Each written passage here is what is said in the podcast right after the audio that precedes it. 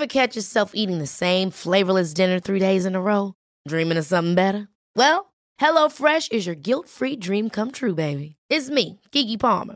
Let's wake up those taste buds with hot, juicy pecan-crusted chicken or garlic butter shrimp scampi. Mm. Hello Fresh. Stop dreaming of all the delicious possibilities and dig in at HelloFresh.com. Let's get this dinner party started.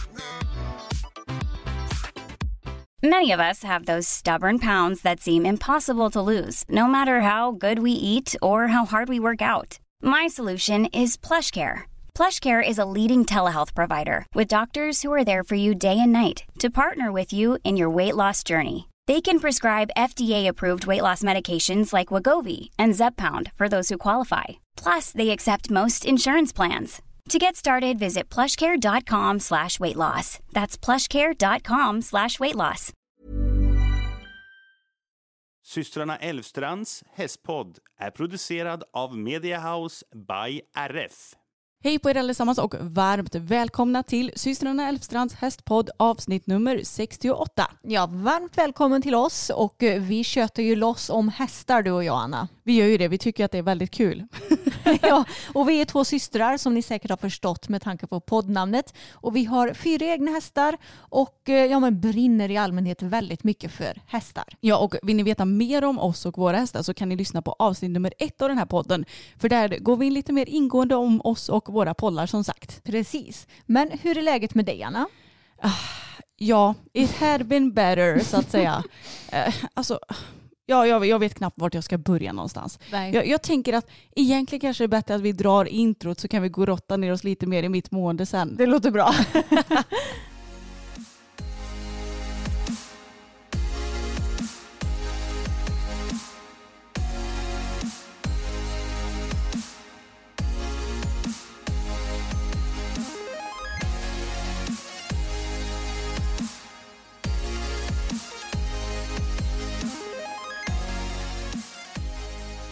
Ja, om jag ska börja den här historien då. Ni vet ju att sist jag pratade med er i podden så hade jag haft ett, ja men ganska så dåligt pass på fokus.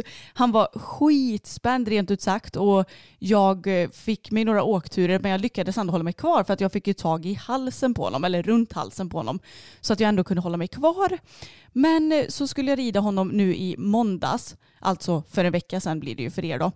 Och Alltså han var ganska så spänd men vi hade ju ändå sällskap av dig och Tage på banan. Jag tänkte lite strategiskt att jag orkar inte köra ensamt idag utan vi kör med Tage samtidigt i paddocken.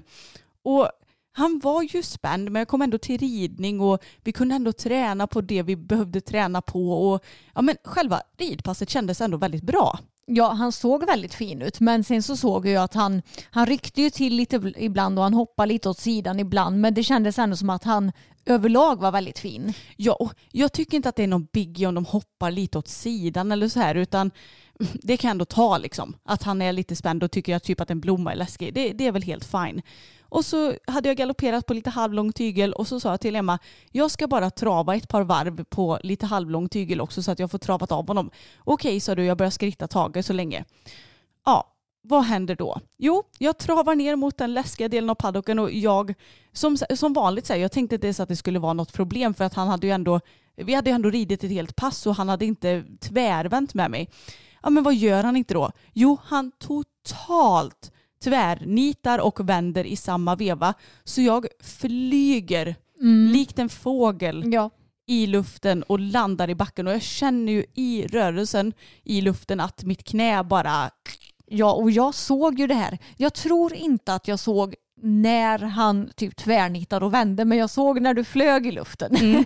och jag har ju själv flugit av fokus ett par gånger av samma anledning och jag kan säga att alltså, det är helt omöjligt att sitta kvar på honom när han gör de här vändningarna. Ja, och jag menar han är, ju, han är ju tvärvänt med mig hur många gånger som helst tidigare. Men det har inte varit på den här nivån. Nej, alltså han kan verkligen vara så sjukt snabb den lilla hästen. Ja, det är helt galet. Jag tror inte man fattar förrän man har suttit på honom själv, Nej. väldigt talat. Inte jag heller. Nej, så eh, the gravity gjorde sitt så att säga. Så att jag flög som en fågel som sagt. Men som, det, är ju, det är ju illa att man inte har vingar. Ja, För då hade jag ju klarat mig kanske. Men eh, nej, jag landade i backen och det har ju regnat, eller det hade regnat väldigt mycket på helgen så att det var ganska kladdigt i paddocken men det var ju fortfarande ridbart där inne. Annars hade jag inte ridit där såklart. Men så landade jag liksom i en lerpöl och mitt knä gjorde så jävla ont rent ut sagt. Så jag satt där och skrek aj mitt knä, aj mitt knä och kände ändå att ja, men jag har ju landat relativt bra överlag men knät gick åt skogen. Ja, och jag blev så förvånad för jag såg ju som sagt när du flög av och eh, jag såg ju när du flög och när du landade att ja men bra, det ser ut som att hon landade bra liksom. Lite så här på rumpan, ländryggen och eh, ja men du ser ju om någon landar bra eller dåligt för det mesta liksom. Ja och jag landade ju inte på svanskotan heller. Nej exakt, utan det såg ändå liksom bra ut för kroppen. Och sen så när du började skrika aj mitt knä, då, det första jag tänkte var hur har du kunnat få ont i knät? För det var ju inte, alltså knät var ju knappt ens i backen liksom. Nej men det gjorde ju inte det. Men grejen att jag, alltså mitt knä är ju inte bra. Nej. Det har inte blivit bra sedan min paddelskada och jag har dragit mig för att, för att ta kontakt med sjukvården och mer om det sen för övrigt. Men eh, ja, jag kände ju det att rörelsen som blev var ju allt annat än bra för knät. Och då kände jag också att det, alltså knaka kanske inte bokstavligen till men du vet ändå den rörelsen blev så att det gjorde ont. Och Ja. då satte jag mig där, eller ja, jag, jag, landade där i, i geggan och började bara störtgråta. Och Jag kände bara, jag kan inte rida min häst i min egen paddock. Det kändes för jävligt och jag hade ont och jag kände mig dålig och det kändes som att Ja men när man sitter där i stunden så känns det dels väldigt förnedrande också för att man sitter där i geggamojan. Alltså jag kände mig som om jag var två år och satt i galonbyxor och bara bla bla. Ja nej, inte riktigt så men Eh, det, det var bara så här, alla känslor kom på en och samma gång och det kändes så jävla hopplöst bara. Ja men det kan jag ändå förstå. Jag har ju också flugit av i ler och sådär förr i tiden också och det är ju inte kul. Men eh, ja, alltså jag vet inte riktigt vad jag ska säga. Jag fick ju gå fram till dig och försöka trösta dig och sen så hade jag ju både Tage och Fokus att hålla koll på också samtidigt som du satt där och grät. Så det var så här, vem ska jag ta hand om först lite så. Jag, jag bara, ta hästarna så att de sticker iväg. Ja, det var nog ingen större risk för de är ju så snälla och står så still. Ja. Det är ju så kul med Fokus också för när han har kastat av någon så står ju han blickstill efteråt. Ja, ja, han står ju där som en liten prins och bara, jag har inte gjort någonting. Nej, exakt. Och jag var ju dessutom tvungen att ta bild på dig när du satt där i leran också. Ja, det var faktiskt väldigt kul. Mm. Och vi har ju lagt ut en bild, det gjorde vi ju, var det samma dag? Ja, det var samma dag. Jag la ut en bild på vår gemensamma Instagram som heter systrarna Elfstrand. Och alltså jag fick så oerhört mycket stöd så att jag blev typ tårögd när jag läste alla kommentarer för jag bara, vi har så fina följare, jag orkar inte. Ja. Och då kändes det genast mycket bättre och jag sa det, eller jag skrev det också att idag var det inte långt ifrån att jag la ut honom på annons. Nej. Och det handlar inte om att så här, eh, Fokus är så dum som gör så här, för det menar jag verkligen inte. Utan han, han har ju bara agerat på sitt flyktbeteende. Han är ett flyktdjur, han blev rädd för en fågel. Sa jag det ens? Eh, det vet jag inte. Nej, men han blev i alla fall rädd för en fågel i gödselhögen. Och det är ju egentligen inte så konstigt, men man blir liksom ledsen ändå. Man blir ju ledsen på situationen, inte att han har varit dum liksom. Nej, och framförallt att de här situationerna sker ju hela tiden med honom och att du har jobbat på det så himla länge så då är det klart som tusan att du blir uppgiven. Ja, och det som har gjort mig mest uppgiven är ju att så här illa har det ju aldrig någonsin varit. Det har ju varit hanterbart. Jag har ju aldrig åkt av i paddocken förut. Det har jag gjort två gånger på honom och då har jag ridit honom väldigt mycket mindre i paddocken än vad du har gjort. Ja, men jag, jag, som jag nämnde, nu sist jag åkte av så fick jag ju skylla mig själv för jag triggade hans ilska lite grann. Och det har jag också berättat om i podden. Men jag har ju aldrig åkt av för att han har blivit rädd för någonting. Utan det har ändå varit hanterbara vändningar och sådär. Men nu kände jag bara att det är liksom 20 gånger värre än vad det någonsin har varit förut och det känns ju tråkigt. Mm. Men med honom så går det också väldigt extremt mycket upp och ner hela tiden. Mm. Han kan ju ha perioder där han är jättelugn och snäll och rida generellt både ut men kanske även i paddocken. Men sen i vissa perioder är han ju som han är nu. Och nu har han nog varit inne i en lite jobbigare period tror jag. Ja det verkar ju uppenbarligen som det. Och det är så jobbigt för att jag hittills har jag inte riktigt fattat så här att ah, okej nu är vi nog på väg in i en dålig period. För då kan man ju ändå kanske försöka att safea upp det lite.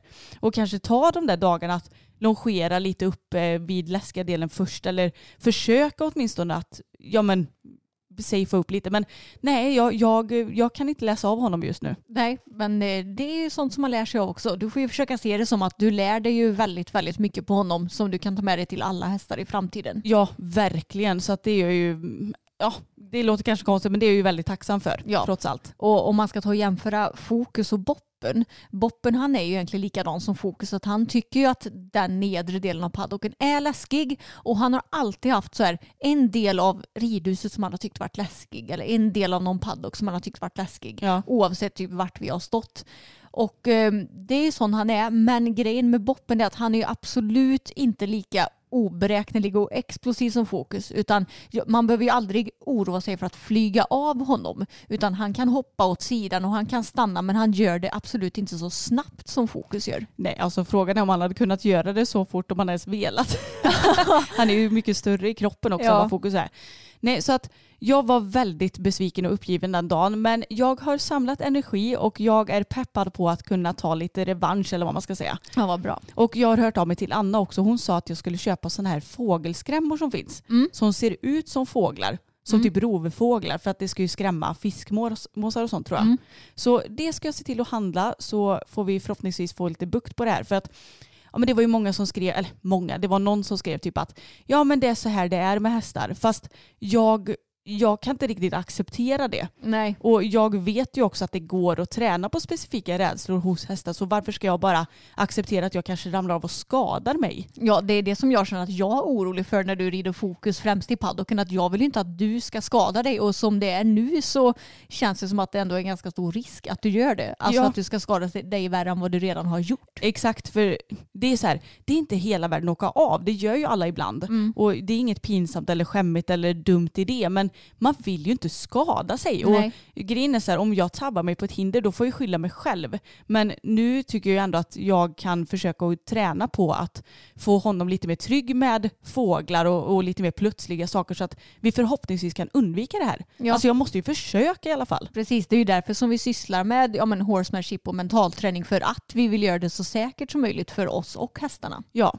så jag tänker inte ge upp. Men jag var nära i måndags och jag kan säga att jag tittade också på dressyrhästar till salu. Men fy i, alltså ursäkta franskan här nu, men fy i hela helvete vad dyra de är. Ja, då insåg du att nej, jag får nog ha kvar fokusen då för jag kommer aldrig ha råd med något annat. Nej, alltså, jag kommer aldrig ha råd med en sån häst i mitt liv tror jag. Nej. Om jag inte vinner på Lotto eller någonting. Nej, men det, det är, är sj- det är helt sjukt. Ja, det är sjukt vad dyra hästar har blivit nu och speciellt dressyrhästar som sagt. Ja, men alltså, jag var inne och tittade på några, nu kommer jag inte ihåg specifika annonser, men de behövde inte ens ha gjort någonting direkt och ingen direkt stamp som jag kände igen. Alltså 250 000. Mm. Jag bara, men vad är det som kostar så oerhört mycket? Ja, jag fattar inte det heller. Det känns som att om du ska köpa en hopphäst för sig 200 000 då brukar den ju ändå ha lite meriter och kanske bra stam eller så har den väldigt trevligt eh, liksom, sinne eller vad man ska säga. Ja, men dressyrhästar är bara så här, ja men bara för att han har fötts ur en annan häst så är den så här 200 000. Mm. Nej, det är helt sjukt. Nej, så att fokus han kommer få bli kvar. Ja, det, det är väl bäst för alla parter tror jag. Ja, Ja, men det var så kul också när du, ja, men när du höll på att prata om att ja, men jag är sugen på att lägga ut fokus på annons och att eh, jag vet inte om jag orkar ha kvar honom mer. Du var ju väldigt liksom, tveksam kring honom för några dagar sedan. Och, ja, men du var ju sugen på att sälja honom nästan. ja men det har jag ju sagt. Jag Mm. vill ju lägga ut honom på annons. Ja, exakt. Och så har det ju varit i perioder för det också. Det här är ju långt ifrån första gången om man säger så. Ja, men jag kan också säga att det här var den gången som jag verkligen kände det starkast också. Mm, precis. Men eh, både den här gången och andra gånger när du har varit sugen på att lägga ut honom på annons, då är ju Annas standardfras så här. Det är synd att han inte är ful för då har det varit lättare att sälja. Eller att säga det till honom. Ja, det är synd att du inte är ful för då hade det varit lättare att sälja dig.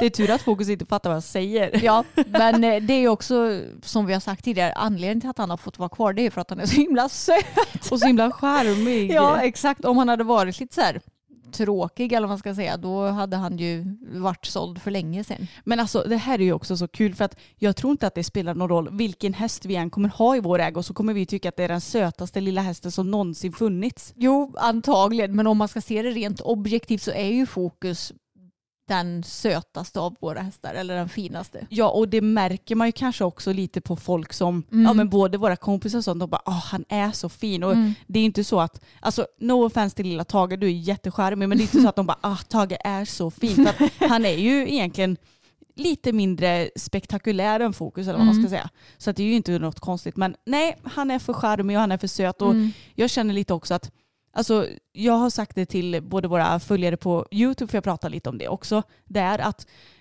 jag, jag tror verkligen inte att jag är den enda personen i hela världen som klarar av den här hästen. För ja, uppenbarligen så klarar jag ju just nu inte så av honom så bra kanske. Men Däremot så undrar jag lite så här, om jag nu skulle sälja honom, vem fan skulle jag sälja honom till? Ja, och eh, man, du kan ju, även om du säljer honom till någon som kanske verkar bra när du köper honom så kanske den personen säljer honom vidare Ja. eller så kanske det inte alls blir som du har tänkt dig och då har du ju ingen kontroll själv över situationen. Nej det är det jag känner också så att jag, jag tror jag känner mig för otrygg med andra människor för att kunna sälja. Alltså det hade ju inte varit någon konstighet egentligen att sälja typ Tage eller Boppen. För att de är ändå så pass okomplicerade och det hade inte varit någon oro i att så här, ja men hur kommer den här människan vara? För att de klarar ju alltså många människor eller vad man ska säga. Mm. Men Fokus är ju väldigt, väldigt, väldigt speciell.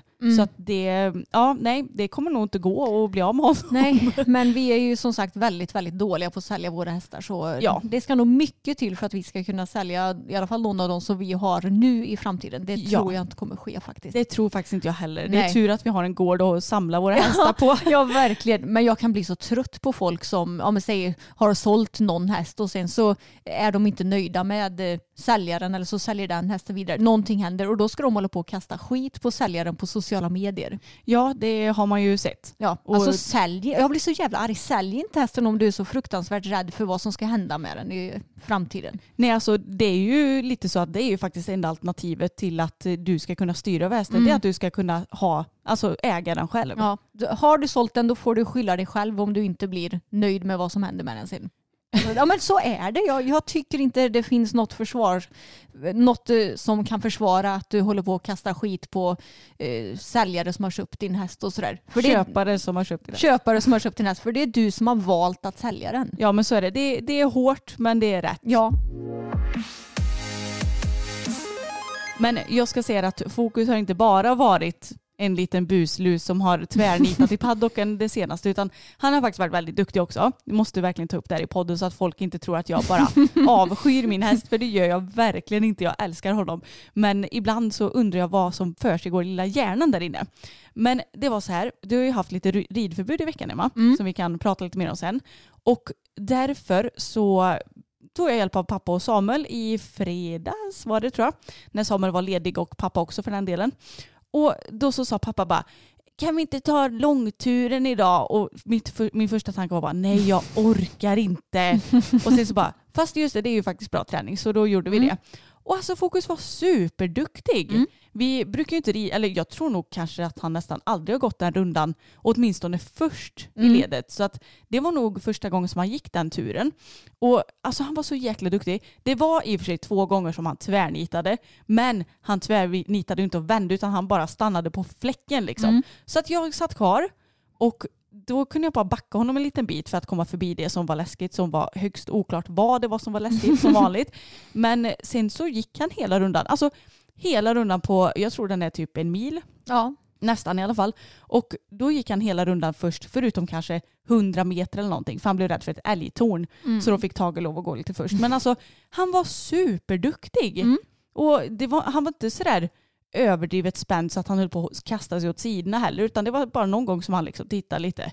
Så jag, jag var så glad bara, okej, eh, även fast det kanske känns som att livet känns skit för att vi inte kan rida ordentligt i paddocken, så har vi ändå kommit en så enormt stor bit på uteritterna. Alltså kommer du ihåg när vi skulle rida standardrunda för typ Jo. ett och ett halvt, två år sedan och han bara vägrade gå, stegrade och hade sig. Mm. ja, men han vill ju inte ens lämna, vad ska man säga, asfalten. Nej! Alltså jag måste bli bra på att komma, alltså, tänka tillbaka på hur det varit och vara tacksam för vad jag har just nu. Jag vet, du, ibland så blir du lite för mycket fast i själva nuet och problemen som du har i nuet istället för att kunna se den större bilden att ja men när vi köpte honom kunde han inte ens stå still i stallgången och när vi köpte honom så gick han inte ens att rida ut på för att han var helt galen och när vi köpte honom så var du livrädd för honom hela tiden. Du måste liksom kunna se den stora utvecklingen som ni har gjort också. Ja, jag vet, men det är ju jättesvårt. Man blir ju väldigt objektiv också.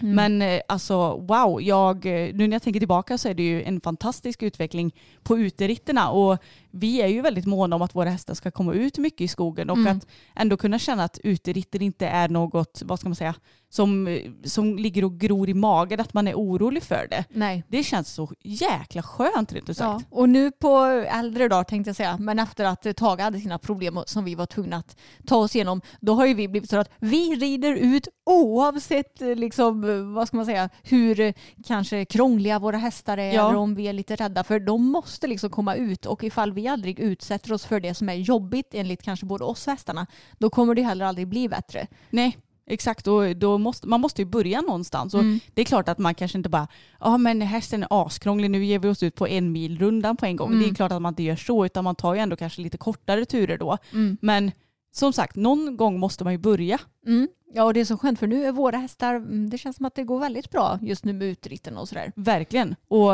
av våra fyra hästar så är ju Boppen den enda som inte kan gå först heller. Ja, Och det kommer vi inte orka, alltså vi behöver inte ta tag i det problemet. Nej, som sagt, alltså, jag, jag skulle kunna tvinga honom att gå Ja. först. Men jag känner varför ska jag göra det? Att jag ska tvinga honom att gå först och han kommer vara svinspänd hela rundan. Det är väl bättre då att han får gå sist där han trivs att gå så han får gå bakom sin flock och hålla lite koll. Liksom. Ja, och man märker ju verkligen att han trivs väldigt bra i det ledet och Mm. han är ju fantastisk att rida ut på när han går två eller sist eller Mm. han kan ju gå var som helst. Precis, och det kul på tal om Tage. Han hade ju någon period för några år sedan när han var helt, alltså han var tvungen att gå först. Ja. Annars var han skogstokig. Då typ bockade han och försökte sparka av en. Han var helt galen.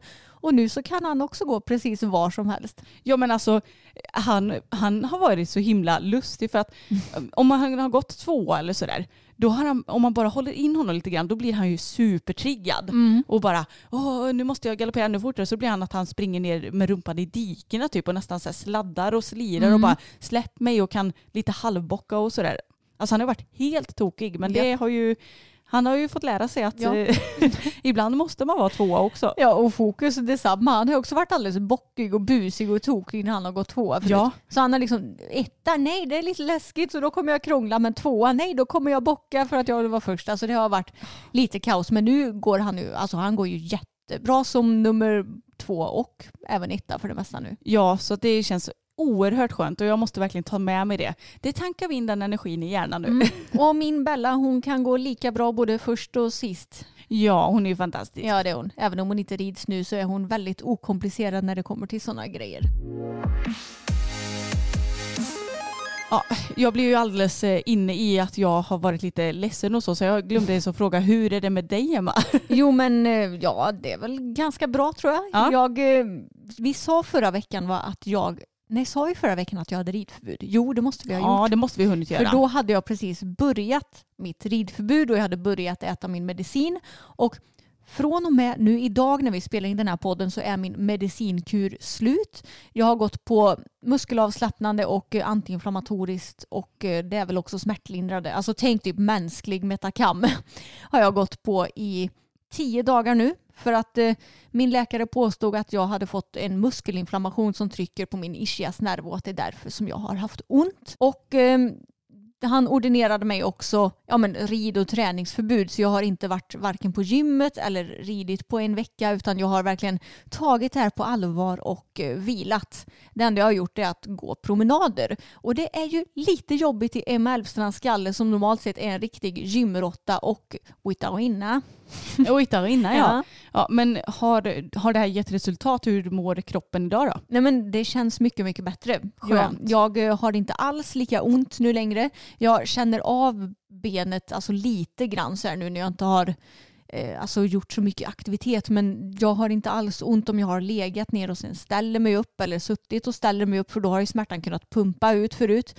Eh, jag behöver liksom inte oroa mig för att få ont hela tiden och det tar ju väldigt mycket energi att behöva oroa sig för hmm, undrar vilken smärta som ska komma nu. Gud ja. Mm. Men det måste vara jätteskönt att slippa det. Ja, det är väldigt skönt. Så jag känner mig faktiskt bra. Jag känner mig mycket smidigare. Igår efter eh, att jag hade ridit så visade jag hur mycket jag kunde stretcha mig framåt med raka ben och det var nästan som vanligt. Ja, jag blev väldigt imponerad. Mm. Det ska tilläggas att när du har ischiasvärk så kan du typ inte ens böja ryggen framåt för att så fort det liksom vad ska man säga, stramare i musklerna på baksidan så tar det stopp Mm. för att du får så ont. Så jag känner mig mycket smidigare, mycket fräschare. Men nu får vi se ifall det faktiskt är det här som har varit problemet och att det har varit en inflammation som förhoppningsvis är botad nu och jag ska fortsätta att ta det lugnt resterande veckan. Bara rida och gå ut på promenader. Jag tänker att eh, Alltså har, ifall en häst har haft en infla, inflammation så börjar du inte träna den med en gång direkt utan du får ju trappa upp träningen. Ja men exakt och kanske inte bara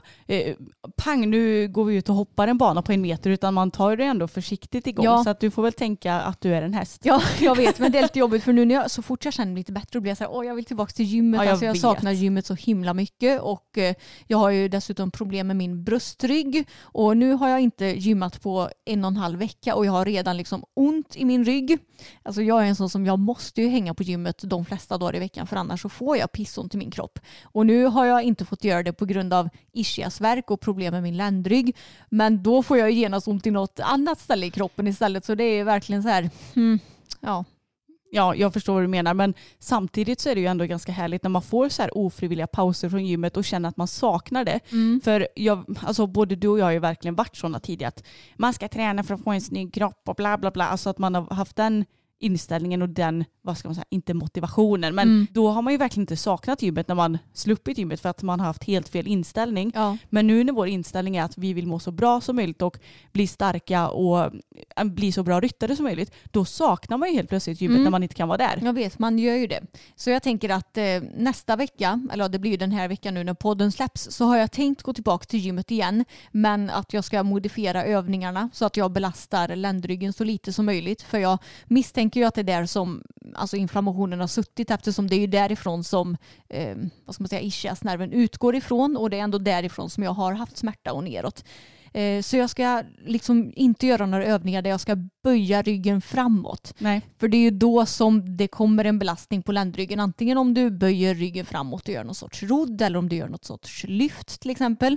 Så att jag, det går ju att träna både liksom rygg, axlar och ben utan att belasta ländryggen allt för mycket. Ja men du får tänka lite mer statisk rygg helt enkelt. Ja, exakt.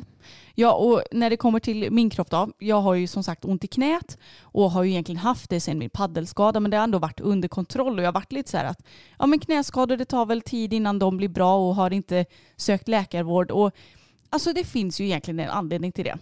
Och det är ju för att det är så himla svårt att komma in till den här förbannade läkaren när man väl har något bekymmer. Mm. Alltså nu ringde jag idag innan vi satte oss och började podda för att jag tänkte att nu ska jag banne mig ta tag i detta. Att ringa till en läkare så jag kan få komma in till och så att jag kan få se vad som är fel på mitt knä.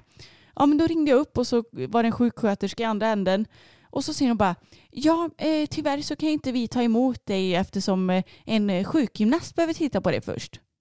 Och jag Mm. blir så jävla trött. Alltså no offense till sjukgymnaster, ni är fantastiska på ert jobb och ni behövs. Men på riktigt, jag har skadat mitt knä. Vad, vad ska en sjukgymnast göra med mig? Jo, jag vet. Och du har ju dessutom gjort rehabövningar själv som inte har hjälpt. Exakt. Och det sa jag också till henne i telefonen för jag bara, ja, om, det, om det spelar någon roll så har jag ju själv tränat upp mitt knä så, under den här tiden och eh, jag, det kanske inte spelar någon roll. Hon bara, nej jag, vi måste ha ett uttalande från sjukgymnast innan du kan få komma till en läkare och jag bara, Mm.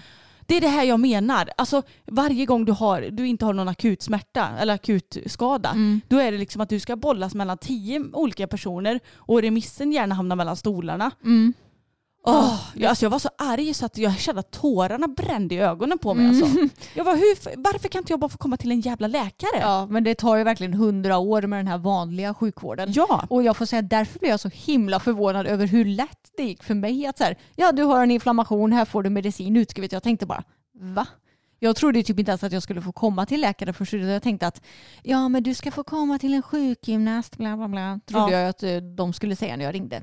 Men nej, och sen när läkaren kom då tänkte jag att ja men det kommer väl, han kommer väl inte göra någonting som hjälper mig. Så jag blev jätteförvånad faktiskt att jag ändå fick hjälp. Jag förstår det. Och alltså no offense till alla som jobbar i sjukvården för att ni, ni är ju verkligen så himla viktiga men jag tycker bara att systemet ibland är fel. Ja. Alltså jag vet ju att jag har ont i knät, jag har haft det i två månader nu. Mm.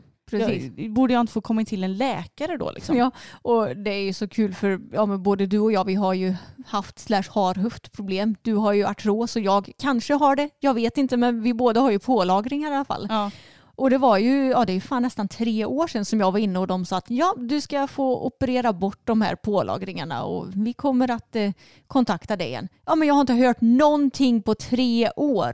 Nej, och det är också så här, ja det är väl bara att höra av sig då. Men det är alltså sådana här grejer, vi är så jäkla dåliga på att ta tag i sånt. Ja men jag vet ju inte ens vart de har typ skickat remissen och sådär. Nej, Så jag har ju försökt eh, men jag har ju liksom inte kommit underfund med det. Så när vi har haft problem med våra kroppar som till exempel med höfterna då har ju vi fått lösa det själva. Ja. Vi har ju löst det genom att hitta en naprapat som är asbra och genom att eh, träna massor på gym. Men vi har ju absolut inte fått någon hjälp av vården när det kommer till de kroppsliga problemen. nej och tänk vad mycket pengar vi får lägga på själva.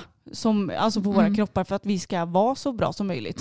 Jag menar, det visst det gör vi oavsett för vi lägger ju skattepengar. Mm. Men, men jag menar sjukvården har ju inte hjälpt oss särskilt mycket. Nej, verkligen inte. Och det var ju lite så när jag fick min artrosdiagnos så var det bara så här, du har artros, hej då. Mm. Jag fick ingen information om vad jag skulle tänka på eller om det finns några övningar jag kan göra eller någonting utan de bara sparkade ut mig typ. Mm. Jag fick det via brev dessutom. Så jag, jag fick inte ens det uttalandet från en läkare. Nej, det är ju sjukt alltså.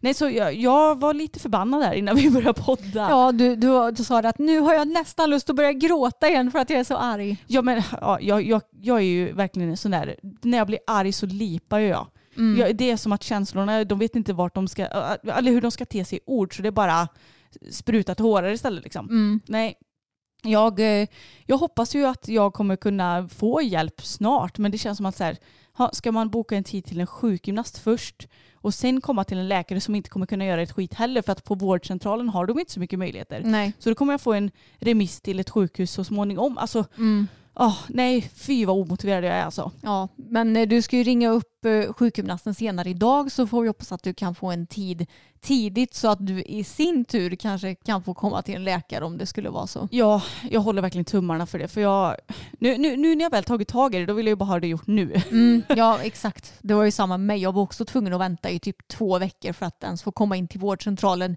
med min ischias och då hade jag redan haft ont i en och en halv månad nästan. Ja, och jag fattar att jag inte är någon akut person. Alltså herregud, jag kan ju gå. Men det är fortfarande så här, jag vill ha hjälp. Mm. Och jag vill inte behöva vänta i 3000 år innan jag får hjälp. Nej, exakt.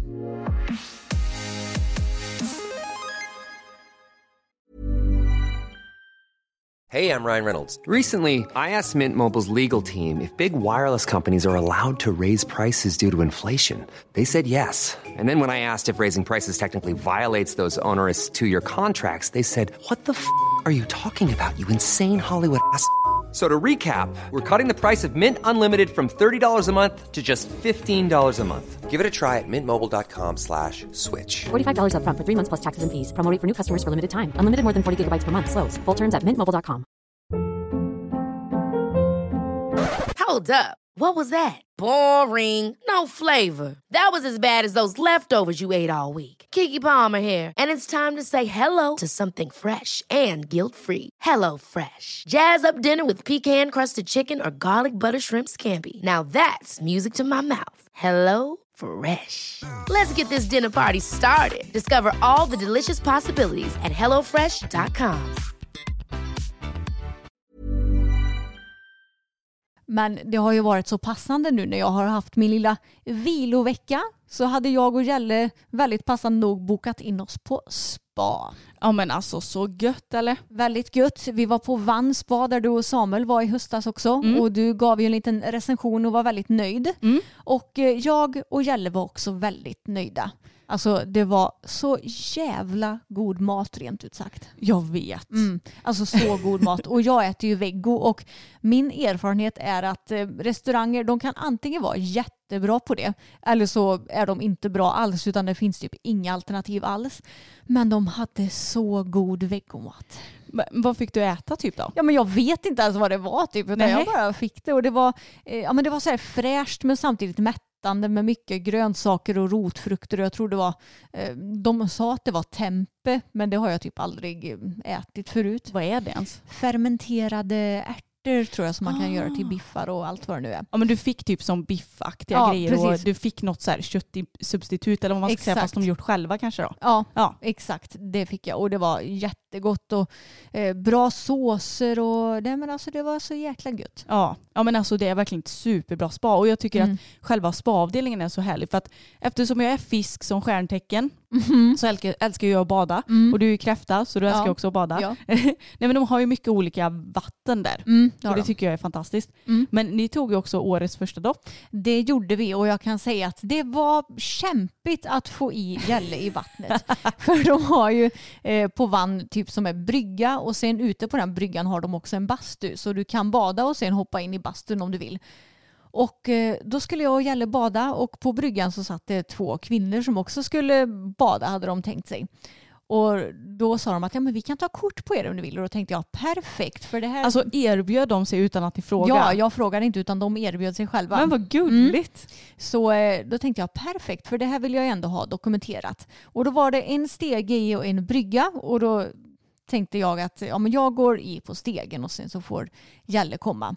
Grejen är att jag är ju typ rädd för maneter och alltså alla Ja. grejer som finns i havet. Jag tycker det är äckligt med sjö. Alltså jag, tycker det, jag gillar vatten men jag tycker det är äckligt det som finns i vattnet. Ja, jag är likadan. Det kan man ju säga. Så jag vågade ju liksom inte hoppa i så långt så jag stod ju på den här eh, vad ska man säga, stegen så att halva min kropp var i vattnet och då tänkte jag att då kan Jalle komma i också så kan han simma först så att han simmar på eventuella maneter och sådär. Vad taskigt. Ja, men den planen gick ju åt helvete kan jag säga för jag stod där och han vägrade gå i. Alltså det Är han en tog badkruka? han är en badkruka så det skriker om det och jag tyckte inte att det var speciellt kallt i vattnet. Speciellt inte om man jämför med den här ispoolen som finns i spaet. Ja. Den är mycket, mycket kallare kan jag säga. Nej, så jag stod där med vatten upp till typ bröstet och väntade på honom i flera minuter. Kvinnorna, de stod också och väntade. Tog massa bilder med min mobil när han försökte så här kravla sig i och när jag står där och väntar. Och jag tänkte bara, men snälla människa, kom bara och hoppa i vattnet nu så de inte behöver stå och vänta i så här en kvart på att själva få bada. Åh gud vad roligt. Ja, och efter mycket om och men så kom vi båda i och vi kunde få till en liten bild. Men Ja. det tog sin lilla tid om man säger så. Men visst var det gött att gå in i bastun efteråt sen? Ja, det var det. Men, Alltså den är perfekt. ja, men det var inte så himla kallt i luften heller. Så Nej. det var inte så att jag frös när jag kom upp ur vattnet heller. Så jag kan tänka mig att den bastun är ännu mer skön om man badar på typ vintern eller hösten eller våren. Ja, alltså jag kommer inte ihåg exakt när vi var där. Det var i Det- september. Det var i september va? Ja. Mm. För då hade det hunnit bli ganska så, eller det var ju ganska regnigt kallt när vi var Mm. där. Så att det var så gött att bara plopp i vattnet och sen så, eller jag springer gör man ju inte när man är blöt men, men gå upp och så sätta sig i bastun. Och Mm. det bästa var att den var inte så himla varm utan den var bara så här, Lagom. ja lite lagom gött, Mm. inte så här kosigt så att man typ inte kan andas. Nej, men Jalle sa också, han tycker ju det är så kul att ja, men ni två tjejer, ni, jag förstår inte hur ni kan tycka om vatten så mycket och att bada så mycket. Jo. Ja, jag fattar inte det. Och sen så förstår jag inte heller, du fryser så att du skakar när det är så här noll grader ute och du, du fryser jättemycket även inne i huset. Men att bada när det är svinkallt, det går bra. Ja men det är ju faktiskt sant, vi är ju lite sådana. Ja, men alltså när du badar då är det ju bara för en kort period. Ja. Då går det ju bra. Men på vintern, jag fryser hela tiden. Jag kan säga att igår hopptränade jag och vi var hemma klockan nio på kvällen. Och det var ganska så här, eh, inte kallt ute men det var regnigt och lite ruggigt ute. Ja. Och det tog jättelång tid för mig att somna när jag kom hem för att jag efterfrös så mycket. Typ 26 maj Ja. så kan jag inte somna för att jag efterfryser så mycket. Nej det är ju helt sjukt faktiskt. Så, så sån är ju lite med våra kroppar. Ja och Samuel sa det när jag gick och la mig igår, han var lite så här lite ruggig i kroppen för han har precis vaccinerat sig. Så han var lite trött och så han ville redan gå och lägga sig typ tio över nio igår. Han brukar aldrig gå och lägga sig så tidigt. Nej. Men eh, så gick jag och la mig i sängen ganska så strax därpå och han bara äh, fy fan vad kall du är, håll dig ifrån mig.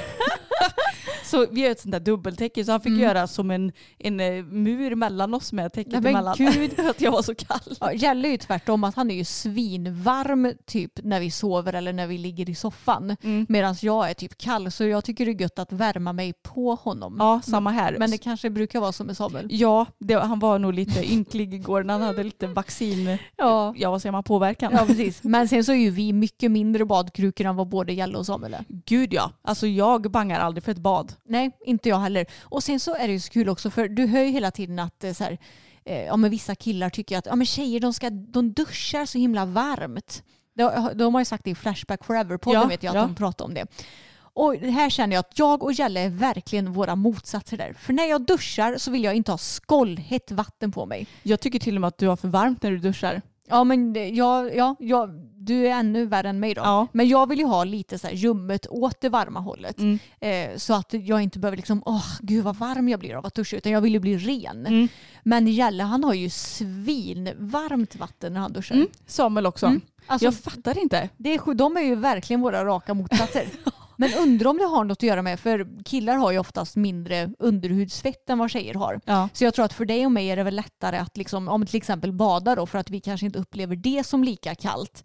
Eh, men att vi kanske blir lite mer känsliga mot värme direkt också. Jag vet inte. ja, kanske. Mm. Nej för jag, jag hatar att duscha varmt. Alltså enda Mm. gången jag duschar varmt det är om jag är riktigt kall och då brukar jag ändå börja med så här. Jag kommer inte ihåg hur varmt jag duschar. Det kanske är så här 38 grader eller Mm.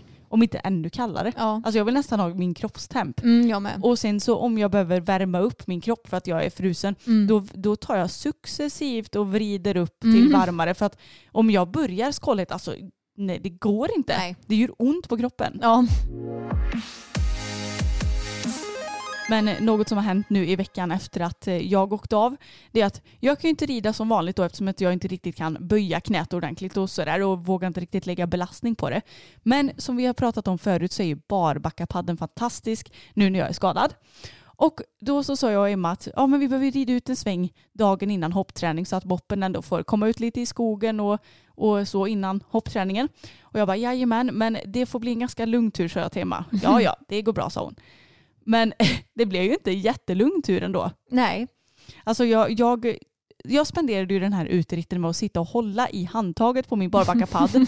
ha ett bettlöst träns på Tage och lite så här halvlång tygel. Så jag satt mest och höll i handtaget och så bad jag Tage att antingen skritta, trava eller galoppera. Mm. Han var så nöjd. Ja, han, han är väldigt nöjd. Han är en sån häst som du verkligen kan åka häst på ibland. Ja, det är perfekt nu Mm. när jag är lite skadad. För då får han ändå sin motion och jag får lite rid, eh, alltså så att jag dämpar mitt ridsug lite grann Mm. och ändå inte behöver belasta knät. Nej. Och behöver inte ta så här onödiga risker heller för att jag håller ändå i mitt handtag. Och, Mm. Alltså Tage är ju, han är ju ganska så lugn, han gör ju inte så mycket för sig. Nej, exakt. Det är sällan han tvärnitar till exempel. Ja, precis. Och jag måste säga att jag uppskattar ju Tage väldigt, väldigt, väldigt mycket nu när man har fokus och man ändå åkt av ordentligt i paddocken nu. Alltså Tage skulle ju aldrig göra något sånt. Även om de är två helt olika hästar med olika personligheter såklart. Mm. Och det är ju det det beror på såklart. Men det känns så skönt att ha lilla Tage. Ja, jag förstår det. Och alla våra hästar är ju extremt olika varandra också så vi lär oss ju väldigt mycket på respektive häst. Ja det är ju lite på gott och ont ibland. Ja, men jag känner att jag har ju nästan gått och blivit lite nykär i boppen igen. Ja. Nej men alltså jag är så glad över att vi har en 24-årig häst som bara blir bättre och bättre igen. Vi var och hopptränade igår och då hade jag ja, men bara ridit den här uteritten då. Eh, sen hade jag ju vilat i en vecka. och då var det straight into hoppträning. Men det gick så bra. Jag kände mig inte något liksom ringrostig och ja, jag har inte hoppat boppen sen förra hoppträningen förutom eh, ett par challenges som vi spelade in där vi Mm. bara hoppade små hinder. Men alltså han är så jävla fin nu och han blir bara bättre och bättre och jag märker på honom att alltså, han blir glad av att få komma iväg och hoppa. Ja, Han man tycker ser verkligen ja, det. Man ser det och jag känner det på honom att han tycker att det är kul. Han ger mig sån jäkla fin känsla. Alltså det känns så enkelt och nu hoppar ju inte vi några höga hinder. Vi kanske kommer höja lite kanske i framtiden kan jag tänka mig. Men vi brukar hoppa runt typ 90 centimeter nu. Men alltså äh, det är så jäkla kul att han är så fin och jag bara sitter med ett leende på läpparna när jag rider och jag är så glad för sån här var han ju absolut inte för typ ja, men ett år sedan och när han hade sina tandproblem. Då var det ju mycket, mycket kämpigare att rida honom och han var inte alls lika glad. Nu börjar han dessutom lägga på sig i vikt, både muskler och fett och ja, han blir bättre och bättre och ja, jag, jag njuter varje gång på hans rygg. Ja, så man blir så himla glad att se er också. Mm. Men du och jag måste ju, eller jag kanske inte åka ut på samma tävling för de är ju ganska jobbiga, men vi måste ju när tävlingarna drar igång åka ut och tävla tag och boppen. Alltså jag tror att speciellt Tage hade tyckt att det varit så jäkla kul. Ja, alltså en liten fun fact det är att jag nej, innan jag går och lägger mig så kan jag gå igenom så här hur jag hade ridit en hoppbana med tag eller fokus eller vem som helst eller en dressyrbana. Och just nu så, så dagdrömmer jag lite om när jag och fokus startade i Mariestad du Mm. vet och kom femma. Mm. Så tänker jag så här, hur hade jag Tage ridit den rundan? Ja. Och det är sånt jag gör innan jag somnar. Mm. Alltså det är faktiskt ett tips till er som kanske har lite svårt att somna. Mm. Gå igenom hur ni hade ridit så här, eh, medelsvår i dressyr eller alltså vilket program som helst. För att Mm. då, då får man tänka lite utan att det blir någon stress tycker jag. Mm. För ofta kan man ju bli lite så här, åh gud varför, eh, varför har jag inte hört av mig till den personen och varför, och imorgon har jag matteprov. Att, Ja. man, att hjärnan spinner iväg på helt dumma saker innan man Mm. ska sova. Precis. Så det är lite min så här comfort-grej. Mm. Tror du att du och Tage hade gjort omhoppningen bättre än dig och Fokus? Garanterat. Ja. För fokus var lite, han var ju lite så här, okej vart ska jag nu och lite, alltså inte seg, men han var ju lite långsam ja. Mm. Så att jag tror att Tage hade varit lite snabbare och kvickare och lite mer med på noterna för Ja, han är ju mer van vid det. Han är ju en riktig liten ärta. Han kan ju vara riktigt snabb och eh, du har ju tävlat honom förut för, ja det var ju några år sedan nu senast. Du, jag tänkte på det, jag tror att den starten som du tänker på i Essunga, Mm. då hade jag lila hår. Jag tror att det är 2016 eller 2017. Ja, 2017 måste det vara. det är fyra år sedan. Ja, och eh, du har ju blivit väldigt mycket duktigare sedan dess och eh, du litar ju mycket mer på Tage så du skulle ju kunna rida alltså mycket, mycket bättre omhoppning nu än vad du gjorde då och våga rida på ordentligt. Ja, alltså jag är så pepp på att komma ut. Alltså bara typ en 80 cm runda. Mm. För det är lite så här, ja men det känns som en ganska lagom höjd för oss. För då Mm. behöver inte jag oroa mig för att vi måste komma helt perfekt. Och Nej. Tage tycker det är kul också. Så att det hade varit så roligt. Mm. Och ni Ja. borde ju komma ut på någon 90-runda åtminstone. Ja, men eh, det ska jag se till att göra så småningom också. Jag kände jag har ingen vad ska man säga, panik med det utan Nej. tävling det är bara en rolig grej som jag kanske kommer göra för att eh, ja, men det är kul att ändå ha no, även om Boppen är 24 år så kan det vara kul att ha något att träna till. Ja, exakt. Och jag tänker att han tycker också att det är kul att komma ut lite. Mm. Sen så behöver det inte vara någon press att man ska göra det varannan helg. Utan Nej. det räcker ju med ett par tävlingar per år. Liksom. Exakt och Boppen är ju väldigt härlig för han är alltid väldigt stabil. Jag vet alltid om hur han kommer liksom bete sig och kännas på banan för, för det mesta för han blir ju sällan speciellt spänd till exempel och han är ju väldigt otittig och ja, men han, är, han är en härlig häst att tävla med helt enkelt. Ja, verkligen. Och, alltså, han blir ju sällan spänd. Men jag glömmer aldrig den gången vi var i, var det Vartofta va? Mm. Och alltså han blev så konstig för att jag har nog aldrig suttit på honom när han har blivit liknande. För att Nej. han, är inte, han blir inte spänd i den aspekten att han, man känner det i hela kroppen på honom. Mm. Som till exempel fokus, man känner att han blir en fiolsträng. Mm. Utan istället så blir det att han, han blir bara så tom inför hindren. Mm. Jag såg inget avstånd, jag fick inte det här stampet i galoppen. Så jag, var, jag kommer ihåg att den tävlingen gick åt helskotta för att jag var så himla osäker på hur jag skulle rida honom. Jo. Good old days. Och nu i veckan så hittade jag en artikel på tidningen Ridsport som handlade om Steve Gerda som är tveksam till OS. Och det som tidningen Ridsport skriver om det kommer ifrån ett YouTube-klipp ifrån AFP. Men jag tänker att jag läser upp det som står i artikeln för det är ändå lite av en sammanfattning kring Ja. det. Och klippet finns i artikeln va? Ja, Mm, precis. och vi länkar ju det i beskrivningen som vanligt. Ja, exakt. Och eh, ja, men en, ett citat som Steve säger är att ibland känner man sig skyldig till att man fortsätter hålla på med sin sport. Å andra sidan kan jag inte ändra på det själv så det är komplicerat. Ska vi vara arroganta nog att strutta runt med en medalj medan folk sitter fast hemma med massa restriktioner att följa bara för att vi ska kunna tävla? Och jag har ju tittat på det här klippet också och eh, ja, men han pratar ju om att han är eh, tveksam till att åka till OS just på grund av ja, men hur världen ser ut med corona och även att Japan vad jag har förstått det som är väl ganska drabbat med just corona och att ja, men om de kommer dit så kanske det blir mm, jag vet inte, mer belastning på sjukvården och att det kan vara osäkert och att det känns dumt kanske att åka till ett land som ändå är ganska så hårt drabbat av corona. Ja, och det förstår man ju. Och jag tycker verkligen att det är, jag, jag tycker nästan att det är konstigt att de ens planerar för att ha ha det här OSet. Ja, När är det det ska vara? I, det brukar vara i augusti jag typ, tror, va? ja, om två månader Ja. så ska det äga rum. Ja, och jag menar det är inte som att det kommer säga pang bom katish så är corona över liksom. Utan Nej. det kommer ju säkert dröja något år till innan det börjar bli lite mer safe Mm. att faktiskt ta sig ut till andra länder. Och i synnerhet när det är en så himla stor tävling. Jag tycker att det är en helt annan femma att anordna en lokal tävling på en utomhuspaddock där det kommer folk och man Mm. håller avstånd. Och, alltså så, så, det tycker jag är verkligen helt fine. Mm. Men just det här att åka till ett främmande land, du, måste, eller du har med dig en massa hästar och personal och man ska Mm. in där och nej, det, det känns bara urdumt tycker jag. Ja, och jag, jag kan tänka mig att för hans del så är det väl också mycket moraliskt att han, eh, han tänker, alltså rent fysiskt så kanske det inte hade hindrat honom att åka dit, men rent moraliskt så förstår jag honom absolut. Och det är också det som gör att eh, ja, men jag tycker att han känns som en så himla vettig människa. Att han faktiskt går ut och pratar om det här. Det är inte bara ja, OS blir av, nu ska du åka dit. Utan han pratar även om problematiken med det hela. Ja och det tycker jag också känns väldigt genuint som du säger.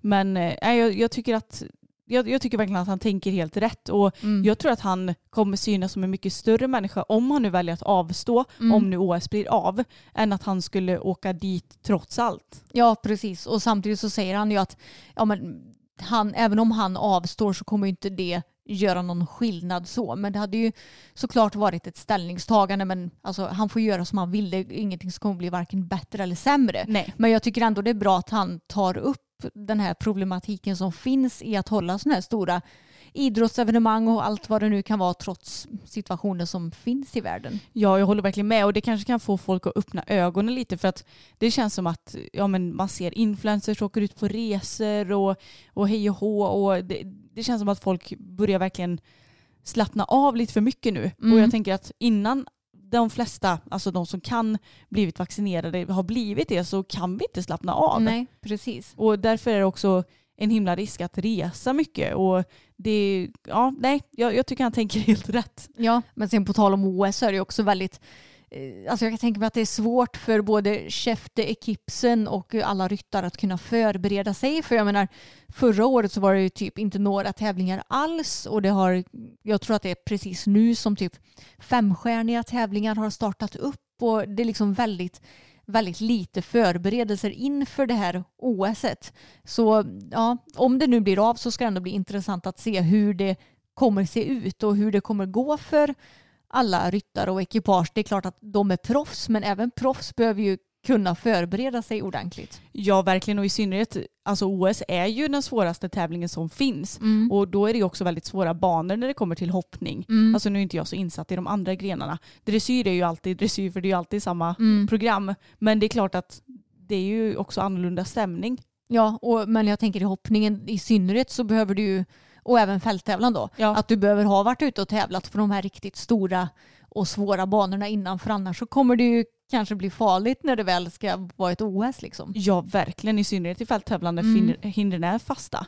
Nej, det ska bli intressant att se om det blir av. Men jag hoppas ju lite för vår världs skull att det inte blir av. Men samtidigt så vill man ju att det ska bli av för att det är kul att kolla på. så jag är tror- också tudelad. Jag tror inte det är någon fråga om det kommer bli av eller inte för det kommer det nog att bli. Du tror det? Det är väl fastspikat eller? Ja, det är det kanske. Mm. Mm.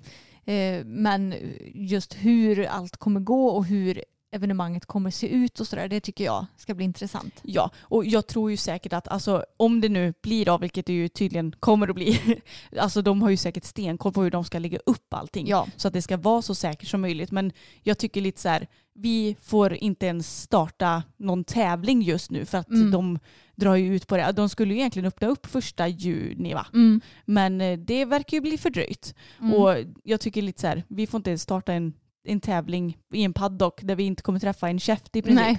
Men de får åka till OS i Japan. Mm. Okej. Nej men eh, jag är inte bitter för jag har inte bråttom att tävla, i synnerhet inte nu när jag har skadat knät. Men ni fattar ändå vad jag menar. Det är lite, Mm. ja, när man jämför det så. Jo, precis. Nej, och Steve säger ju också i artikeln att eh, ja, men han tycker ju att det är dåligt på ett vis att de vaccinerar ju ja, men atleter och idrottare. Men det finns samtidigt folk som dör av covid för att det inte finns tillräckligt med vaccin. Och Mm. sådana som har det mycket sämre ställt då än de som tävlar. Och ja, det är väldigt, eh, jag tycker det är väldigt bra att han tar upp det här för jag tror inte att jag har hört någon annan så pass stor idrottare som gör det. Nej, det har inte jag heller gjort. I alla fall inte någon ryttare vad jag vet. Det kanske finns men jag har inte läst något om det i alla fall. Nej, precis. Nej, det är eh, intressant och jag tycker det är hemskt också att det får lov att vara så här. Mm. För att det är uppenbarligen folk som ja, men kanske är mer sköra och mer sjuka Mm. som behöver det mer men så prioriterar man annat bara för att det ska vara ett stort mästerskap. Ja, och det finns ju massor av uländer som har fått mycket alltså, mindre doser än vad till exempel Ja. vi har fått i Europa och sådär. Så ja, det, det är verkligen en stor fråga som det är bra att han tar upp och pratar om. Mm. Och för att inte tala om hur många doser USA och England har fått Mm. jämfört med resterande värld bara för att de inte ingår i EU och allt sånt här. Mm. Ja, det, är, det är ju verkligen en stor fråga att diskutera egentligen. Mm. Men eh, ja, till slut ska vi väl alla bli vaccinerade som vill och kan hoppas Ja. jag. Ja, men det var allt för det här avsnittet hörni. Lite bitter Anna kanske. men eh, jag är egentligen inte bitter på fokus som sagt utan mer så här. Åh, nu är jag skadad igen. Vem vet när jag kan hoppträna och rida ordentligt igen? Mm. Vem vet när jag får hjälp med mitt knä? Ja, Lite bitter på själva situationen kan man ju säga. Exakt. Ja. Men det kommer ju bli bra. Precis, och i nästa vecka så får vi se hur det har gått för Emma och Ische när vi har varit utan medicin i en vecka. Kommer det bli bättre? Kommer det bli sämre? Det här Oj, är gud. följetongen. Gud vilken rafflande, spännande följetong hur det går med systrarna Elfstrands kassakroppar. Japp. Nej jag skojar. Men ni får ha det så himla bra. Tack för att ni lyssnar på dagens avsnitt. Glöm inte att prenumerera på podden ifall ni gillar den och jättegärna vår YouTube-kanal också för där får ni ju se lite mer oss i rörligt material. Ja, och vi tycker det är jättekul att syssla med både YouTube och podden och vi är jättetacksamma till er som följer oss på båda ställena. Verkligen utan er så hade vi ju inte kunnat hålla på med det här så att ni är bäst. Verkligen. Ha det så jättebra hörni så hörs vi igen nästa vecka. Det gör vi. Hej då! Hej då!